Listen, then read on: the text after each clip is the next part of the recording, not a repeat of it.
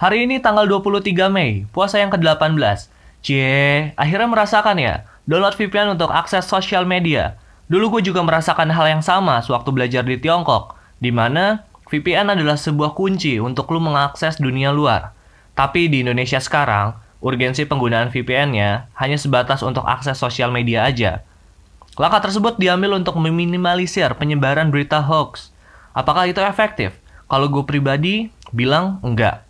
Mau ada atau tidaknya kebijakan pemerintah tentang pembatasan sosial media, hoax akan tetap ada.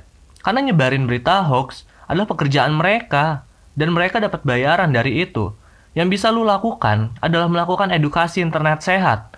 Lingkup terkecilnya adalah orang tua dan keluarga lu.